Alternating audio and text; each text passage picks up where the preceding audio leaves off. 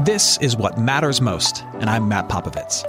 Look, life is crazier than ever, and lots of people, maybe even you, are feeling anxious and overwhelmed. Today's message is designed to help you figure out what's most important and to experience the peace and joy that God intends for you. Because life is a gift, and it shouldn't be wasted on worry. I'd like to give you a resource, something to help you navigate the road ahead. Just go to mattpopovits.com, click on the icon, and we'll send it to you. That's Matt, P-O-P-O-V-I-T-S dot com. And hey, if you happen to live in the Houston area, I'd love to see you on a Sunday morning at St. Mark in Spring Branch. Head to stmarkhouston.org to plan your visit. Here's today's message. Thanks for listening. We're continuing our study of Paul's letter to the Colossians. Paul is writing to this young church and to a church in Laodicea, combating some, some misinformation that they've received about who Jesus is. And so Paul writes this letter, he sends this letter to them to, to make this point abundantly clear that Jesus is Lord over everything. Now, the reason Paul has to write a letter is because Paul himself is stuck. Paul himself is stuck in prison. Uh, we believe it was house arrest, where he would have been literally chained to the floor or tethered to a wall, so closely tied to the floor or to a wall that he's not able to write this letter with his own hands. He has to have an assistant come in, he's allowed visitation, and write it for him. Paul is stuck. He's chained to the wall, chained to the floor, because he's been telling people about Jesus. A little bit of context there was, there was severe racial tension between the Jewish people and Gentiles. Specifically, the Jewish people took issue with, with Paul preaching the message that, that, that Jesus is Lord over everything and everyone, even the Gentiles, inviting them into God's family. The, the Jewish people were offended by that. They, they wanted that to stop, and so they were attacking and persecuting Paul. But also, there were Gentile believers, not Gentile believers, but there were Gentiles who for whom their entire economic structure was built around the pagan religious system. And so they saw Gentile converts to Christianity as a threat to their livelihood. And so Gentiles were persecuting Paul as well. He was, he was being attacked and persecuted from, from all these different directions. And so eventually, some local authorities get a hold of Paul because they want to quiet all the craziness, and they put him under house arrest. They chain him to the floor. And while Paul is chained away, these false teachers come into these young churches because Paul can't show up and defend himself. They show up to these young churches and they try to undermine Paul's influence. And they say things like this uh, If your pastor really loved you, where is he? Why isn't he here? Don't you think he would show up? Or once they got word of his arrest, they would say things like this so he's a messenger from God. He's telling you about who Jesus is, and yet God has allowed him to be imprisoned? And you're going to believe his message? What kind of man of God gets imprisoned?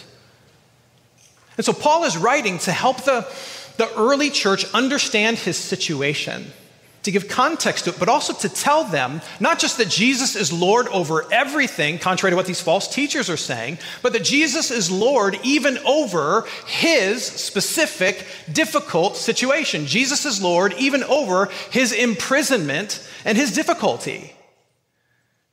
And that's the, that's the note of encouragement for you and me this morning from this particular text. Because if it's true for Paul, then it's also true for us.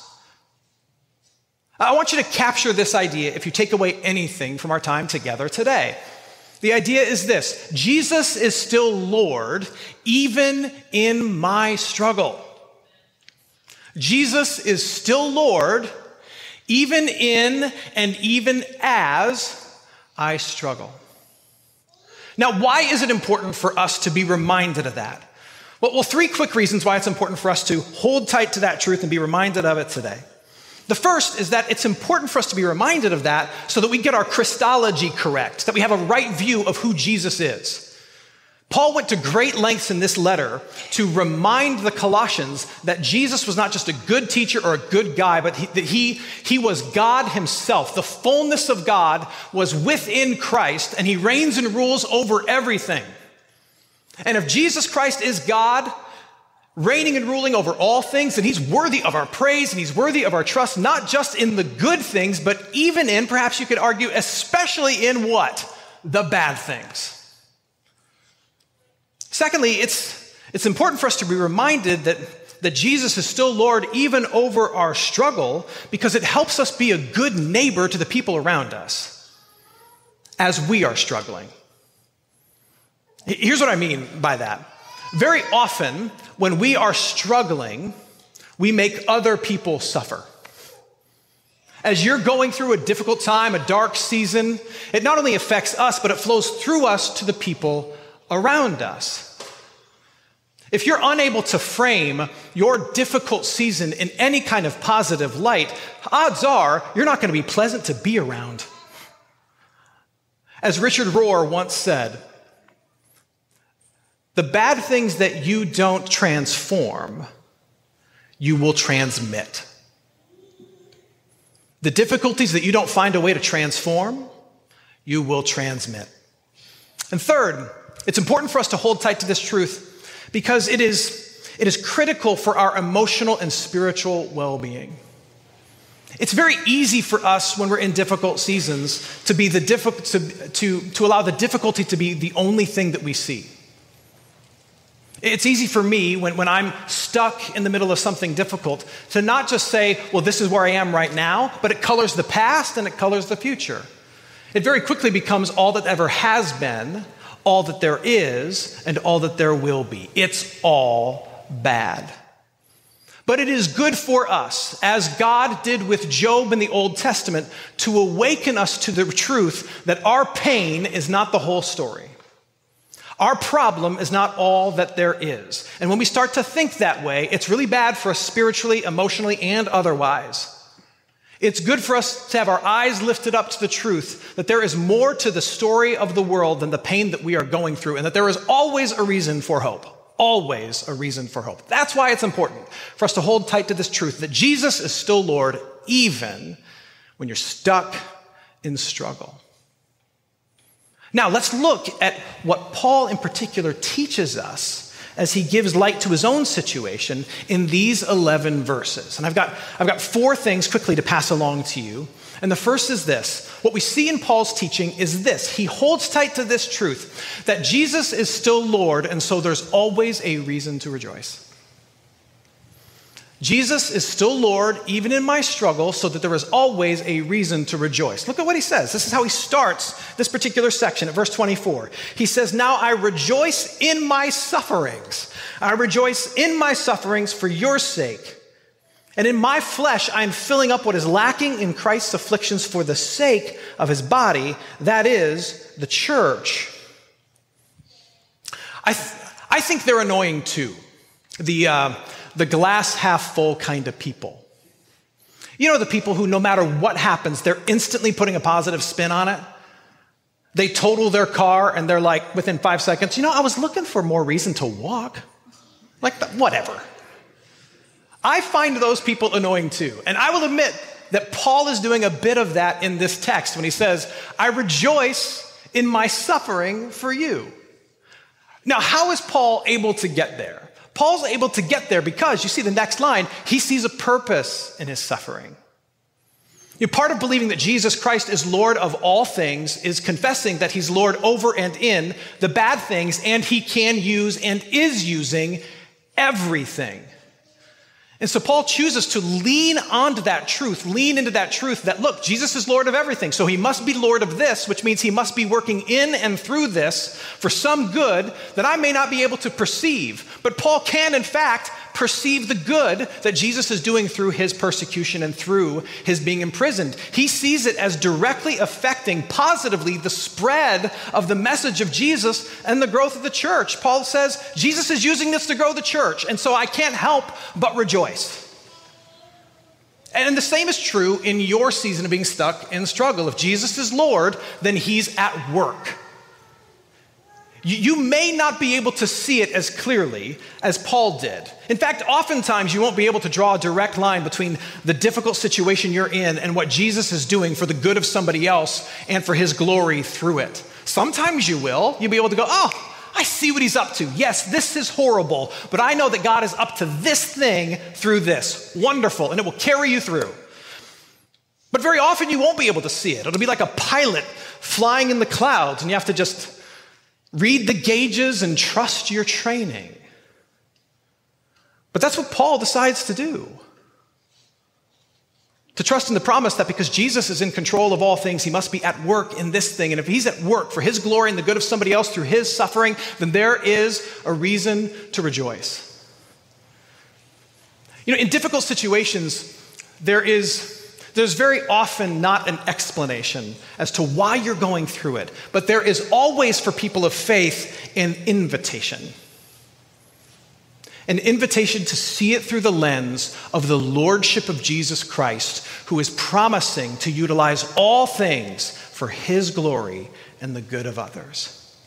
And if you're able to hold tight to that truth, that Jesus is still Lord and he's still at work, even in being stuck and struggling, then you will have a reason to rejoice because Jesus is doing something that only He can do in and through this. And that's reason enough. I'm not saying you got to walk around happy. I'm stuck and struggling. Don't be phony. Be a person of faith. I'm stuck. I'm struggling. Jesus is still God. He's at work, and I can't see what he's doing, but I know he's up to something good. And so I give him praise. Second thing we see in Paul is that if Jesus is still Lord when I'm stuck and I'm struggling, then there is power to be experienced and received. There is power to be experienced and received. There is power to be found. Look at what he says in verse 29. He says, For all of this I toil. Here's the key struggling with all his, that's a reference to Christ, struggling with all his energy that he powerfully works within me. The word that Paul uses for energy is the same word in Greek that's used to describe the effort and the energy put forward by an athlete as he or she strives toward winning in a competition.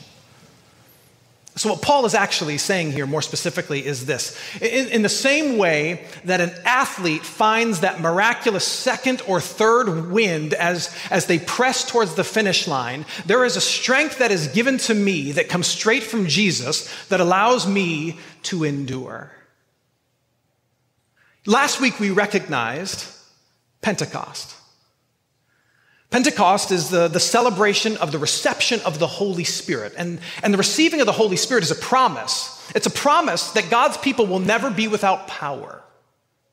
That everyone who's baptized into Jesus Christ not only is covered in forgiveness, but is given the power of the Holy Spirit. Now, the question that we have to ask is what does that power look like when it manifests in us? What are we given that power for? You see, many of us have a very naive understanding of what it means to be strong. What it means to be strong is the ability to get your way through your own exertion of your effort and your power and your energy. That's what strong people can do. But that's not the kind of strength that the Holy Spirit gives. The Holy Spirit is not there to help you be empowered to get out of your situation or to exert your will upon it and dramatically change it. Because sometimes you just can't change it. You know what the Holy Spirit is there to empower you to do? The Holy Spirit gives you the power to believe, the power to trust in the face of your physical weakness, in the moment of emotional distress in the time where your flesh is failing and people are faltering all around you, it's the ability to hold on to and confess the fact that Jesus is still King, Jesus is still Lord, and if He's still Lord over all things, then He can see me through and help me to endure breath by breath, moment by moment, step by step through this thing. That's the strength that the Holy Spirit gives. And that's the strength that is promised to you. Hey, friends, it's me, Matt, and with me is Rachel. Hey, guys. And we're here to tell you about What Matters Weekly, a newsletter from MPM. Rachel, if they sign up for the newsletter, what do they get? Well, each week they'll get original content from you sent straight to their inbox, curated links from around the internet, and the latest on all things MPM, including episodes of this program, What Matters Most, as well as our podcast, Make It Simple. And here's how you sign up head to mattpopovits.com and click newsletter. That's Matt Popovits, M A T T P O P O V I T S.com, and click newsletter. Yeah, and we'd love to stay connected with you every Friday with What Matters Weekly. Now, back to the show.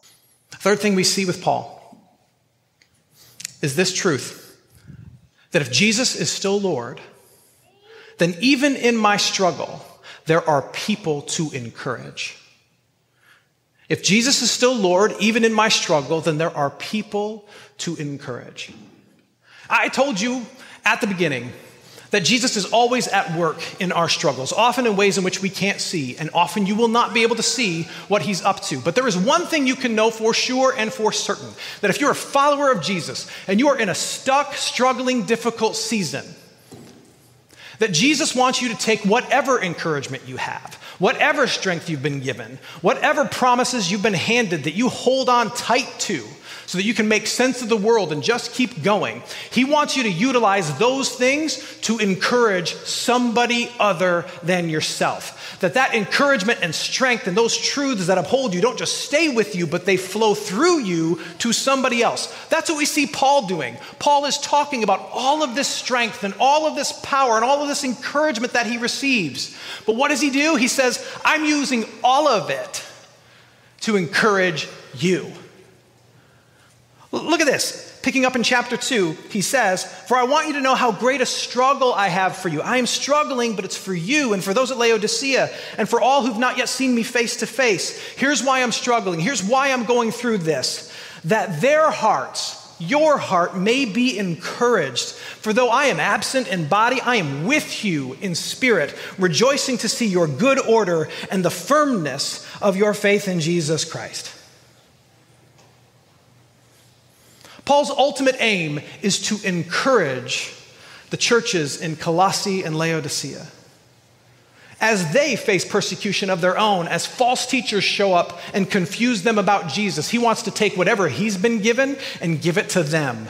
He's stuck, he's in prison, he's chained to the floor, but he still thinks he's got something to give to encourage somebody else. Now, that idea sounds so simple and so obvious, but so often we don't do it. We turn our troubles into idols that we can hold to. We turn it into leverage for sympathy. We turn it into a whole bunch of things other, other than the ability to bless somebody else. But, but it makes sense that people who follow Jesus would do this. I mean, what else can we do? We, we are saved by a man who, who, through losing, won it all for us who through suffering and death won forgiveness for us. He went through the worst to give us the best. And now, having the best, salvation and forgiveness and confidence of where we're going and what's to come, doesn't it make sense that when we are suffering, when we're going through the worst, we would say, well, there's still something good that I can give in this to somebody else?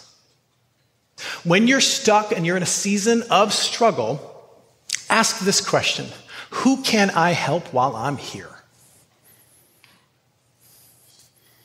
Who might I help while I'm here? I've got one more for you. If Jesus is still Lord, even in my struggle, then what it means for you, what it means for me, what it meant for Paul, is that my situation is not my destination. And I know that rhymes and it's kind of cheesy, but it's so good. My situation is not my destination. When you read Colossians, Paul talks all the time about the future.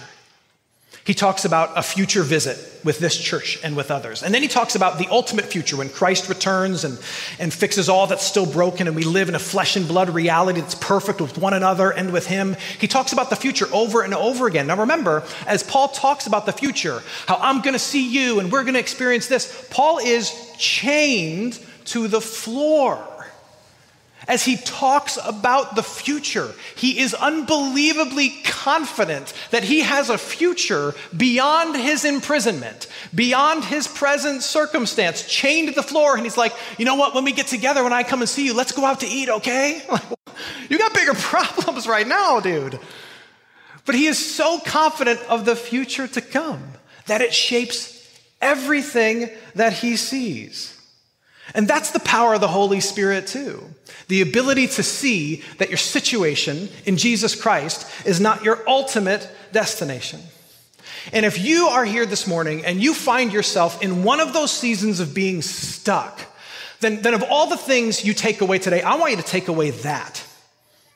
that you can, you are invited into, you can have. You're invited into the same perspective as Paul because you have the same Jesus, you are filled with the same Holy Spirit, you are covered in the exact same promises. Go ahead and plan for a future where the darkness is done. Go ahead and anticipate a party where the struggle is over. It may not come tomorrow. It may not come until Jesus Christ comes back, okay? But because you're in Jesus Christ, you have a different future, a different destination than whatever your situation is now. Just as Jesus Christ rose victorious out of his tomb for you, the stone will roll away from your situation and you will walk into something new and something better and something greater. That is the promise for all those who are in Christ Jesus. And it is okay for you to believe that, to hold tight to that, and to derive hope from that because Jesus Christ has shed his own blood and risen from the dead to give you that hope and give you that confidence. And let that truth shape how you see your situation. Because of Jesus Christ, where I am is not where I end up. Where I am is not where I end up. Not at all. Your situation is not your destination because you are in Christ Jesus. I want to leave you with the words of Dorothy Sayers. Dorothy is one of the great theologians and writers of the 20th century. If you're not familiar with her, you should be familiar with her. She is incredible. She wrote a series of, of essays. She also wrote some short stories and novels. Uh, but she wrote one essay called The Greatest Drama Ever Played. And she talks about the incarnation, the taking on of flesh, being born of Jesus, and the death and resurrection of Jesus. And this is what she says about the incarnation, about Jesus Christ, the fullness of God coming to dwell with us. Listen to what she says. She says, the incarnation means that for whatever reason God chose to let us fall, to suffer, to be subject to sorrows and death, he has nonetheless had the honesty and the courage to take his own medicine. He can exact nothing from man that he's not exacted from himself. He himself has gone through the whole of human experience, from the trivial irritations of family life and the cramping restrictions of hard work and lack of money to the worst horrors of pain and humiliation, defeat, despair, and death. He was born in poverty and suffered infinite pain. Here's the key, and he did it all for us. And he thought it was well worth his while. Whatever difficulties you endure in this sin sick and broken world, Jesus Christ has endured them too. He has been where you are stuck. You want to talk about being stuck? Talk to Jesus about being born in a barn. My goodness. Whatever difficulties you endure, he has endured on your behalf, and he thought it well worth his while. May that truth empower you and give peace to you whatever is being endured by you, may you be upheld and encouraged by, by the truth of what He has endured for you.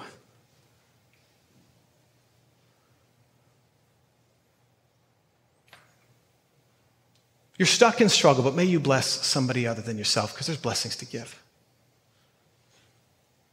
You're stuck in struggle, and may you experience the power that only the Holy Spirit can provide to help you hold on.